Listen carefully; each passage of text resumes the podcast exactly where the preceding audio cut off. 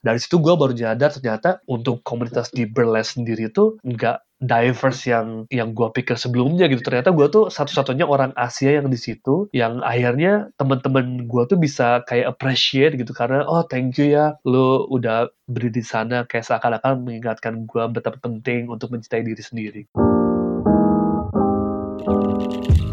Halo semuanya, selamat datang di podcast Abjad Tersirat dan kembali lagi sama gue Yunita atau Acing. Nah, di segmen Anak Rantau kali ini gue mengundang seorang teman bernama Ozak yang gue kenal saat gue merantau di Perth, Australia. Kenapa sih gue tuh ngundang dia untuk ngobrol di sini? Nah, soalnya nih, cerita hidupnya Ozak tuh sangat menarik. Bukan cuma karena dia sempat mencicipi hidup di Perth, Barcelona, ataupun London, tapi dia juga punya pekerjaan yang interesting banget, yaitu engineer by day, tapi burlesque performer by night. Dan tiap kali nih Ozak ngadain burlesque performance, wah gila, itu sambutannya tuh langsung heboh banget. Tapi mungkin lu jadi bertanya-tanya nih, burlesque performer, itu apaan ya bunda? Apakah itu tari striptis gitu maksudnya? Udah, udah, udah. Daripada kalian berasumsi yang macem-macem, mendingan langsung aja dengerin obrolan seru gue sama Ozak. Karena kita akan ngebahas topik mulai dari tragedi hot pants Hello Kitty-nya Ozak sampai ke perspektif sebagai minoritas di LGBT community dan tentunya juga tentang misi besar di balik semua burlesque performance-nya. So, tanpa perlu berlama-lama lagi, langsung aja kita dengerin episode Anak Rantau yang satu ini. Selama merantau, lu itu pernah gak sih ngerasain diskriminasi secara ras dan juga hmm. secara uh, diskriminasi dari uh, sexual orientation lo? Jadi gue kan lagi jalan uh, dari train station ke rumah temen gue. Terus gue ngeliat banget nih ada mobil dari arah berlawanan. Mobilnya kenceng banget. Terus tiba-tiba pas udah mau ngedeketin gue, dia tuh teriak gitu like uh, like oh go back to where you from something like that. Tapi mereka kan cepet banget ya kejadiannya ketika mereka lagi nyupir si mobil itu tuh sambil nyetir sambil teriak dan gue juga lagi dalam suasana yang happy gitu kan jalan minggu pagi cerah ceria gitu. Jadi pas gue ngedenger gue pengen from Hah? Gue tuh agak-agak bingung maksudnya apa sih yang mereka omongin karena mereka kan sambil nyupir sambil teriak jadi kan nggak jelas juga apa yang mereka omongin. Gue tuh baru nyadar kalau oh go back to where you from ketika si mobilnya juga udah hilang beberapa meter kemudian jadi akhirnya gue juga mau marah juga agak-agak delay juga ya jadi akhirnya ya, ya udah lah gitu kan Sunday Sunday morning sunshiny day ini gitu kan tapi itu sih yang kalau dari segi rasisme. Nah, kalau dari segi sexual orientation, gue tuh pernah nih di Australia, lagi-lagi ini tentang Australia. Uh, gue kan perform juga kan di luar kerjaan gue tuh, gue sempet kayak perform di dunia burlesque. Nah, mm. waktu pas zaman zamannya bulan Februari itu kan summer ada kayak festival kreativitas gitulah, kayak di mana orang-orang tuh pada perform. Jadi kan artis-artis yang perform itu kebanyakan tuh mereka tuh hangout dengan artis-artis yang lain dan mereka dress up gitu kan. Nah, karena gue tahu nih, gue bakal ketemu sama teman-teman artis gue, jadi akhirnya kan gue kan dress up juga. Jadi gue waktu itu lagi pakai kayak jacket yang sparkle, tapi gue pakai short pants, tapi short pants tuh Hello Kitty gitu. Jadi pantat gue tuh bener-bener kayak mukanya Hello Kitty, beneran bener-bener mukanya Hello Kitty banget di pantat gue. Dan itu kan short pants itu yang bener-bener ngepres banget kan. Jadi emang ya, I mean semua orang can notice about that shape lah. Tapi kan secara kan itu kan uh, lagi gue mau ke festival di mana artis-artis pada ngumpul, jadi kan gue juga kan bener-bener yang dress up dalam occasion tertentu gitu, bukan gara-gara gue ingin ke restoran doang gitu, emang ada momen spesial. Nah ketika yeah. gue ninggalin uh, apartemen dan gue tuh waktu itu emang lagi deket sama cowok kan, jadi gue lagi emang stay over di tempatnya dia. Jadi pas gue mau pergi ke si festival ini, gue keluar dengan short pants tadi.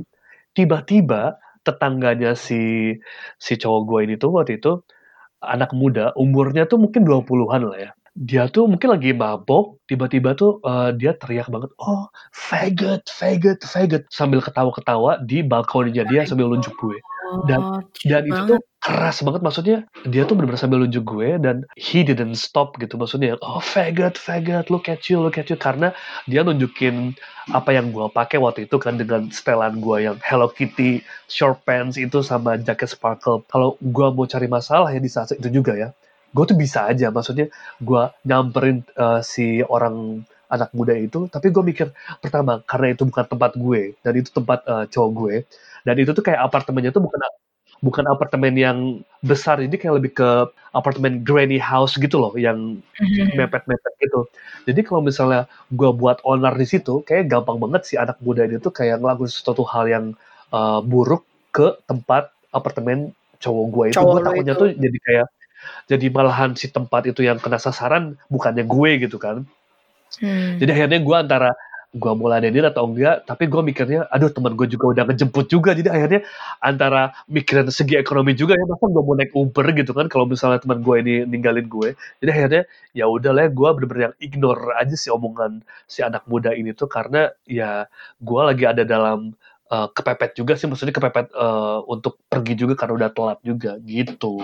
Tapi ya agak-agak apa ya bergejolak juga. Maksudnya ketika gua ngedenger si anak apalagi anak muda gitu kan bocah gitu kan mungkin gua jarang ngalamin diskriminasi tapi itu sih yang lebih lebih memorable yang lebih karena ketika gua dress up uh, ke apa ya kayak ke image lebih flamboyan di satu sisi tuh lebih ke vulnerable gitu kan lebih ke it's easy to spot by this you know like ignorant apalagi lu pakai celana Hello Kitty dan Hmm. untuk kalian misalnya yang nggak ngerti faggot tuh apa faggot itu artinya Ya. kayak slur buat ngatain para homo lah itu ya bencong tapi lebih lebih kasar ya ya itu tai sih. Nah, tapi tadi dia maksudnya kalau kita ngomongin rasisme itu ya entah itu dari rasisme atau sexual orientation ataupun religion, kadang-kadang si orang-orang yang ignorant itu tuh mereka sering berani ngelakuin hal kayak gitu ke orang-orang yang vulnerable. berarti ini moral of the story jangan pakai celana Hello Kitty. Moral of the story-nya adalah sebenarnya lebih ke hati-hati, hati-hati kalau buat statement gitu. Karena kan gue statement, statement banget gitu ya. Hello gitu kan. Hello Kitty gitu kan. Kayak ngedadahin mukanya dia gitu kan. Jadi akhirnya dia dia yang Makanya terpanggil. Tapi kalau Hello Kitty kayaknya bener-bener manggil uh, jiwa-jiwa gay terpendam dia juga jangan-jangan. Enggak sih, tapi itu maksudnya bercanda sih. Like, ya lu mau dandan apa kek, ya Hmm. oke lah. Maksudnya everyone Hmm. is judging gitu. Hmm, Tapi hmm. it doesn't allow you untuk melakukan aksi yang agresif. Lu berarti shit banget sampai lu mesti datang ke tuh orang Iya. dengan mulut gitu ngatain tuh orang gitu loh. Maksud gue, Iya. ya udah lah lu kalau mau ngejudge ya dalam otak lo ya. Habis itu lu pulang rumah lu tulis kayak ke diary atau apa. Bi- tulis kayak ke diary, aduh aku tadi agak ng- nggak comfortable ngelihat cowok pakai celana Hello Kitty. Dan what the fuck gitu kan maksud Hmm. gue. Kayak itu urusan lu. Tapi lu nggak perlu nyakitin tuh orang gitu loh. But that's the thing, you know, like you know, when- I wore that, like I knew that I was gonna go to that kind of art festival. You know, it's not something that you know I dress up to the inappropriate situation. Untuk yang nggak tahu tuh Hmm. sebenarnya di Perth itu ada kayak festival gede banget selama summer. Itu namanya Fringe Festival. Nah, si Fringe Festival Hmm. ini tuh memang kayak untuk merayakan berbagai macam artis dan juga seni lah. Dan juga safe space-nya lumayan apa ya beragam sih. Nggak cuma buat cewek cowok tapi lu mau misalnya dari berbagai macam sexual orientation pun dan gender Hmm. apa pun yang lu rasakan ya ya udah gitu. Lu bisa berekspresi di sana. Makanya si Ozak pakai celana dia. Kitty bukan untuk Bukan sosokan centil-centilan. Nah, Oke, nah lu sempat mention tentang eh, lu kepikiran untuk menyuarakan pendapat lo dan pengalaman lu sebagai minoritas di Hmm. dalam komunitas LGBT ini. Heeh. Lu bisa nggak nge-guide gua ke arah itu karena gue pun bener-bener nggak pernah tahu kayak dunianya tuh seperti apa di perspektif minoritas gitu loh. Jadi kalau kita ngomongin LGBT minority gitu kan, sebenarnya juga gue baru ngalaminnya tuh ketika gue waktu pas pindah ke Australia. Hmm. Jadi kan namanya manusia selalu aja ada internal hatred ya gitu. Selalu aja ada yang diada-adain gitu. Sama juga gitu kayak di LGBT community. Jangan jangan pikir LGBT community itu kayak hanya sebatas pelangi dan indah begitu aja gitu. Selalu aja ada drama-drama di balik semuanya. Ya. Sebenarnya sih kalau di Indonesia gitu kan sebagai gambaran aja ya kalau Mm. pas gua di Indonesia kan kalau kita mau ketemuan sama uh, orang-orang gay lainnya tuh kan kebanyakan kita pakai application gitu kan. Banyak banget nih yang nyantumin di profilnya, oh sorry uh, no sisi gitu. Uh, uh, nggak suka yang uh, bencong-bencongan lah atau nggak suka yang feminin atau nggak suka yang gendut kan lebih ke arah fisik ya. Hmm. Nah, kalau di Australia itu tuh scope-nya tuh lebih besar lagi gitu. Ternyata banyak banget yang nyantumin no Asian atau no feminine because mereka tuh kebanyakan yang nyantumin itu ya, ini dari observasi gua. Mereka yang nyantumin kayak no Asian padahal mereka gay sendiri, itu tuh karena mereka Hmm. ngelihatnya tuh cowok-cowok gay yang Asia tuh identik dengan uh, is far from masculinity. Sedangkan kalau kita ngomongin se- sebuah sosok yang ideal kan kalau misalnya dunia hetero tuh kalau misalnya ngelihat cewek yang cantik tuh cewek yang kayak model yang langsing, yang Hmm. tinggi, yang rambutnya lurus, kayak Hmm. semacam itulah.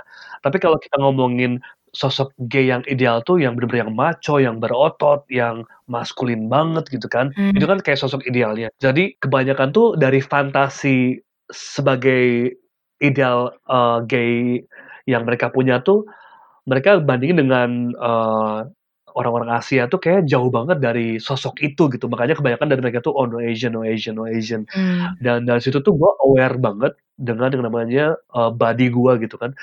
Gue tuh waktu pas pindah ke Australia tuh emang masih agak-agak nge-gym gitu kan. Tapi ketika gue ngebaca oh no Asian in LGBT community, gue tuh bener-bener aware banget. Oh jangan-jangan mereka tuh nggak suka sama gue tuh gara-gara gue tuh kurus. Uh, Hmm. mungkin dengan gue kurus tuh kayak jauh banget dengan sosok yang macho banget kan. Karena kan kalau kita ngomong uh, image yang macho tuh image yang bener-bener yang berotot banget lah ya kasarnya. Mhm. Makanya gue tuh kayak awal-awalnya waktu pas gue nge-gym tuh, ah gue ingin bener-bener yang uh, istilahnya kasarnya jadi kayak berotot lah gitu. Karena gue nggak mau masuk dalam kategori no Asian yang cenderung dengan uh, stereotipnya mereka itu yang kurus, yang Iya. kemayu gitu. Makanya ada beberapa kasus kalau misalnya pas gue lagi chatting gitu ya, oh uh, sebenarnya si orang itu tuh nyantumin oh no Asian, no Asian, tapi tetap gitu ngechat gue. Ternyata tuh selalu bilang oh but you are exception, you are different, see? Ah, And that's the whole point, you know, like oke. orang-orang yang rasis tuh hanya dapetin ide-ide atau uh, apa ya kayak gambaran yang gak utuh gitu, yang hanya se- sepercik. Kalau di Australia kan kebanyakan orang-orang yang ada di TV atau majalah kan orang-orang kulit putih ya. Iya, iya benar. Jadi karena mereka, mereka jarang ngelihat sosok-sosok uh, cowok Asia yang maskulin atau yang berotot, jadi mereka oh orang Asia tuh hanya orang-orang yang kayak gini loh, yang kurus loh. Maksudnya Hmm. jadi nyaru juga ya maksudnya mereka ngomong no Asian Eh. itu no Asian apa nih? Eh. Secara ras Nah itu dia kan. atau karena lo ngeliat Asian itu kebanyakan badannya petite gitu. bilangnya sih mereka hanya preferensi ya, tapi kan itu kan terlalu simpel untuk kita mengategorikan preferensi ketika mereka juga sebenarnya punya alasan yang lebih luas dibanding dengan preferensi gitu. Tapi sekarang sih kalau misalnya gua ngelihat kayak ada profile oh no Asian gitu, sebenarnya sih nggak marah kayak atau nggak uh, bete kayak zaman-zaman dulu pertama kali kan. Karena waktu pas dulu tuh ketika gua pindah ke Indonesia dari Indonesia ke Australia, kan gua bener-bener yang sebagai orang pendatang banget gitu dan dan ketika gua sebagai seorang diri di Australia, ketika gua berharap komunitas LGBT adalah kayak rumah buat gue gitu kan, Hmm. yang memberikan gua safe space, ternyata mereka kayak gitu, kan gua agak-agak kaget kan. Tapi Hmm. seiringnya berjalan dengan waktu, uh, ketika orang ngomong no Asian gitu, it's their loss gitu. Mhm. I know I have quality, you know, that's the thing. It's sangat penting banget untuk semua ini ya orang tahu kalau misalnya setiap-tiap orang tuh punya kualitasnya masing-masing. Itu bener Gitu sih. sih. Dan lu tuh kan eh, aktif di dunia burlesque. Nah, burlesque itu Oke, iya. nantilah lu Hmm. jelasin sedikit burlesque itu apa biar orang tahu juga. Lu tapi ngerasa at the same time orang-orang yang boyless ini pun yang katanya tanda kutip Hmm. inklusif Mhm. gitu. Ternyata Mhm, nggak mhm. seinklusif itu juga. Ini gue harus agak-agak jelasin dulu tentang apa sih burlesque gitu ke pendengar-pendengar abjad tersirat ini. Jadi kalau kita ngomongin burlesque, itu tuh lebih gampangnya tuh adalah the art of teasing gitu. Kayak Mhm. kayak dancer. Jadi kebayang gak sih kalau ada kayak penari gitu di di panggung uh, dengan kostum yang lengkap, tapi perlahan-lahan si penari ini tuh kayak buka sarung tangannya, kayak buka kemejanya pelan-pelan, Mhm. kayak buka celananya, sampai akhirnya hanya kolor sama cangcut doang gitu lah kasarnya di, di panggung. Nah pokoknya untuk cewek sama cowok tuh intinya ketika uh, ada penari yang ngebuka atau revealing part of their costume, itulah burlesque gitu. Jadi kayak ngembangun adrenalin penonton. Beda ya dengan dengan stripper kan kalau kayak stripper-stripper yang di klub tuh ketika stripper ini tuh mereka udah ke panggung dengan pakai BH sama cangcut dan um, mereka dengan koreografinya dari awal sampai akhir ya hanya untuk itu aja gitu hanya untuk menjual uh, koreografi mereka sama uh, interaksi sama audience. Mm-mm. Kalau burlesque itu lebih ke proses ceritanya juga sama proses kostumnya juga related nggak dengan jalan ceritanya. Karena kebanyakan uh, burlesque dancer tuh mereka punya uh, message masing-masing gitu yang sesuai dengan karakternya mereka masing-masing juga gitu. I see. Jadi itu lebih ke performing art kali ya. Cuma memang mungkin untuk orang Uh. yang dari budaya timur seperti kita yang tiba-tiba lo lihat Uh, itu kan uh. emang pasti ngagetin Hmm. banget yang kayak oh my god ini apa tiba-tiba semua orang kayak buka baju gitu. Nah, uh, gue saya pertama kali kayak gitu men, gue Nah. nonton burlesque itu pertama kali ya shocknya itu kayak gue nggak Hmm. tahu orang tuh bakal eh, nih cewek ini bakal pelan-pelan buka baju dan maksudnya yang bagus dari Iya. burlesque ini dan kenapa di Australia tuh cukup gede ya karena Hmm. eh, ini tuh mereka Hmm, bener-bener body positivity juga jadi mereka itu accept Itu dia. any type of body kayak yang gua tontonin nih selama ini Exactly. itu tuh cewek-cewek yang kayak aduh lu kalau mau ada bayangan kayak Atun deh dan Hmm. mereka tuh confident banget jadi nggak nggak ada particular apa body shape ideal gitu kan di burlesque Exactly. Dan itu juga yang pertama kalinya gua waktu pas gua ikutan kompetisi boyless. Jadi boyless itu untuk burlesque dancer yang cowok ya. Jadi namanya boyless. Nah waktu pas gua ikutan boyless uh, competition di Perth, waktu pas gua ngeliat uh, kompetitornya ada ada cowok yang bener-bener itu tuh kalau di di society mungkin udah bilangnya out of shape banget lah maksudnya obesitas lah kasarnya gitu. Tapi dia tuh bener-bener pede banget embracing his body. Jadi ya gue tuh waktu pas awalnya kaget kan maksudnya wow ternyata gue pikir tuh yang harus kayak berotot semua ternyata enggak gitu. Ada juga yang kurus ada juga yang bener-bener gemuk banget ada juga yang biasa-biasa aja gitu kan. Intinya mereka punya uh, cerita masing-masing dan punya skill masing-masing juga. Hmm. nah ketika gue akhirnya niat untuk ikutan itu Hmm. awalnya kan gue